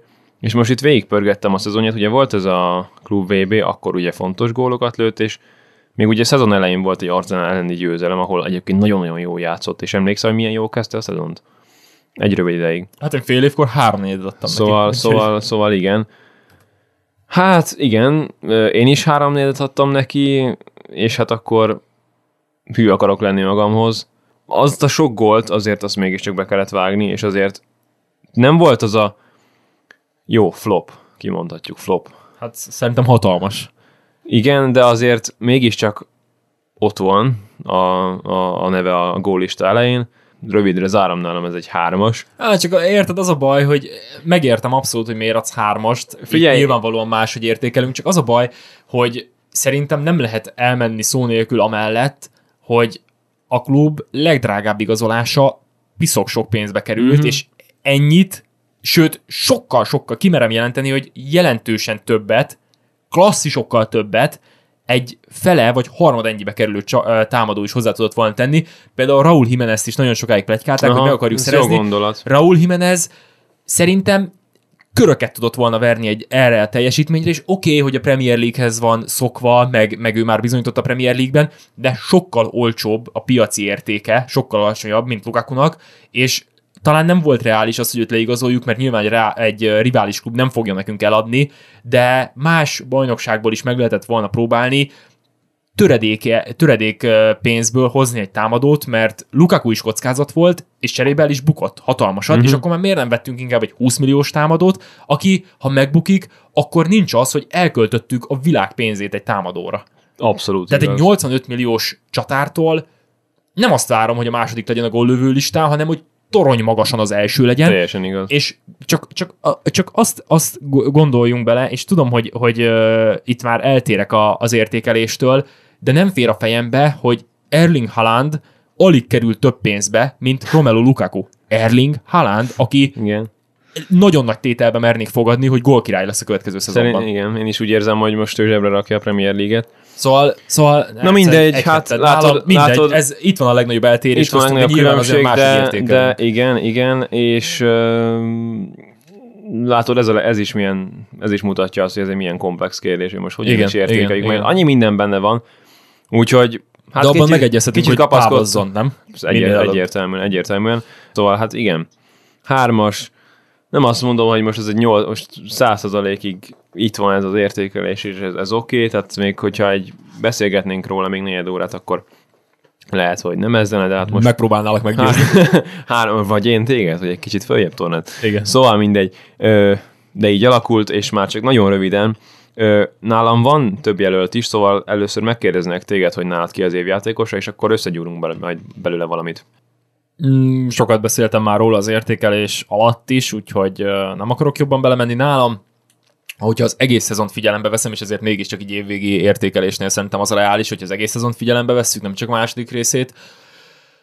Rosszul kezdett, utána viszont hatalmasat ugrott, rendkívül fontos karaktere volt a csapatnak, és el sem igazol, úgyhogy nálam Mason Mount. Alá tudom írni, alá tudom írni, és megértelek. Ö, és most így végig gondolva, hogy ahogy te felépítetted Mountot, én amiatt oda tudnám adni Reese Jamesnek, mert amikor ő játszott, akkor ő mindig zseniális volt, igaz, kicsit kevesebben. Nálam csak azért nem Reese James egyébként, mert hogy akkor, lesérült. ja, akkor oda tudnám adni Rüdigernek, mert ő meg egy az egész szezont végig ro- robotolta, és nagyobb hibái nem voltak, nagyon stabil volt, Premier League-nek a csapatába is bekerült. és Tiago Silvának is oda, oda tudnám adni, aki meg a csapat rangidőseként olyan szezon nyújtott, hogy ez elképesztő. igen. Szóval Tök jogos egyébként. uh, nagyon nehéz kérdés, pláne, hogy te Mountot adtad, a, Mountnak adtad, arra, arra azt reméltem, hogy, hogy uh, Hogy Jamesnek adom? hogy, hogy valamelyiküknek adod, és akkor úgy eldől. Úgyhogy fú, nagyon nehéz. Sose voltam még ilyen nehéz helyzetben. Ebben a podcastben mióta csináljuk, de hát csak kitalálok valamit. Legyen James, legyen James, mert az a, az a befolyás, amit ő megmutatott, tehát, hogy amikor ő pályán volt, és amikor ő egészséges volt, akkor ő neki nem volt körülbelül rossz teljesítmény, én úgy éreztem nagyon-nagyon szívesen adnám, adnám Mountnak is, de nem tudom figyelembe venni azt, hogy, hogy, hogy az ősz az neki nem volt olyan erős.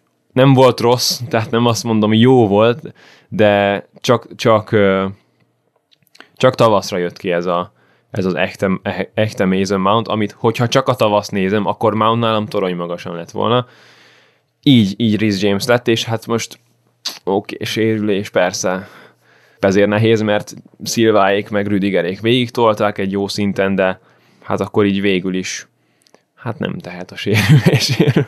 jó, ez nagyon gyenge mondat volt. Á, de... de... tök jogos, én is odaadnám Jamesnek, én, én tényleg csak a sérülése miatt nem Na. nagyon sokáig padon ült, Ja, és hát akkor én meg ugye Mountnak emiatt, úgyhogy mit szólnál ahhoz, hogy téle, a, té- a téli ö, értékeléssel szemben most egy megosztott díjat most adnánk. duó, igen, igen duó kapja. úgyis ők a csapat jövője, érdem, megémledik mind a ketten, úgyhogy kimondhatjuk? Hát én benne vagyok. Megbeszéltük. Reese James és Mason Mount a Boys in Book podcast év legjobbjai. Szorosan ott lieg, ott lieg mögöttük Rüdiger és Silva, és nem muszáj volt elmondanom ezt is, de a lényeg, hogy, hogy a két fiatal titán a jövő, és rájuk lehet építeni, mint hogy vannak még olyan játékosok bőven itt a keretben, akikre lehet építeni, csak hát most egy kicsit építkezni kell, és valószínű, hogy a következő adásban már a nyári új igazolásokról, vagy a, vagy a lehetőség, lehetséges igazolásokról fogunk beszélni. Ezennel ebben a pillanatban akkor le is zárhatjuk az első season-t. Hat rész volt ugye az első első sorozatunkban, és akkor a következő adásunkban már megkezdjük a... Mivel hát ugye új szezonra készülünk már, és nem a, nem a régi időszak. felkészülési időszak, igen. Most lesz nekünk egy kis felkészülési időszak. Ö, így a legközelebb ugye már S2, S02-vel fog kezdődni a podcastnek a kódja. Úgyhogy nagyjából ennyi. Máté, van-e még valami mondani valód a előttünk álló időkre? Nincs, én mindenkinek jó pihenést kívánok a nyárra. Mondanám, hogy kellemes VB-t, de azt majd télen. És miért bántod az érzéseimet, Máté? úgyhogy kellemes pihenést Én mindenkinek. most haza akarok menni, és le akarok ülni, Ja. és megnézni három meccset. Igen, igen. Két héten keresztül. Két éven keresztül. Na mindegy, szóval mindenkinek azt kívánom, hogy élvezze ki a magyar válogatottnak a teljesítményét, szurkoljon a kedvenc csapatának, átigazolások terén, és, és jó Forma 1-es versenyeket kívánok mindenkinek, a Ferrari-nak ö, stabilabb motort, ö, jó pihenést, jó napozást és fürdőzést, és a második szezon elején találkozunk. Így van, így van. Hát még valószínű, van- valószínűleg nyáron, amikor már a kezünkben lesz elég pletyka és információ. Vagy végre egy igazolás. Hogy végre egy igazolás. végre. Csak már legyen valami. Egyébként továbbra is nagyon várjuk a, a kommenteket, és továbbra is köszönjük a kitartó figyelmeteket. Azért is mondtam, hogy kitartó, mert szoktuk nézni az elemzéseket, és elég magas az adások végéig a, a hallgatói megtartás, egy 85 százalék körül, ami szerintem egy tök jó ilyen hosszú podcast alapján, szóval nagyon-nagyon szépen köszönjük. Kövessetek minket a Spotify-on, az Apple Podcast oldalon, illetve a Facebook oldalunkat sem se felejtsétek el, és akkor egészen biztosan nem maradtok le semmelyik új részről, illetve szoktunk ilyen kis tízereket, vagy, vagy még kisebb posztokat is bevetni. Adások előtt ugye jönnek a tízerek, szóval arra is, hogy, hogy tudjatok rá készülni, illetve a múlt adástól fog számítva már a coolfm.hu per podcast oldalon is fölkerülnek az adásaink, szóval hallgassatok akár ott is minket, és hallgassatok a Cool FM-nek a különböző zenecsatornáit is. És megígérem, hogyha eleget rugdostok, akkor egyszer csak YouTube-on is meg fognak jelenni a adások, de, Igen, azt de kicsit... szörnyen osztom be az időmet, úgyhogy sajnos ez, ez Igen, még mindig lóg a levegőben. Elnézést kérünk, azt már kicsit korábban belengedtem egyik adás végén, de hát ami késik nem múlik. De ez rajtam múlik, és Isti most szúrósan néz, de megígérem, hogy, megígérem, hogy egyszer, egyszer majd meg fognak jelenni a YouTube-on is. De adások. szerintem azért így is elég elegendő platform van, hogy már most is, de hát akkor még egyel ki fogjuk egészíteni. Szóval részemről is nagyon kellemes nyarat, jó pihenést, és hát euh, még egyszer nagyon szépen köszönjük a figyelmeteket, Máté, neked köszi, hogy itt voltál. Én is köszönöm szépen a lehetőséget, sziasztok! Sziasztok, szép napot nektek, és keep the blue flag flying high!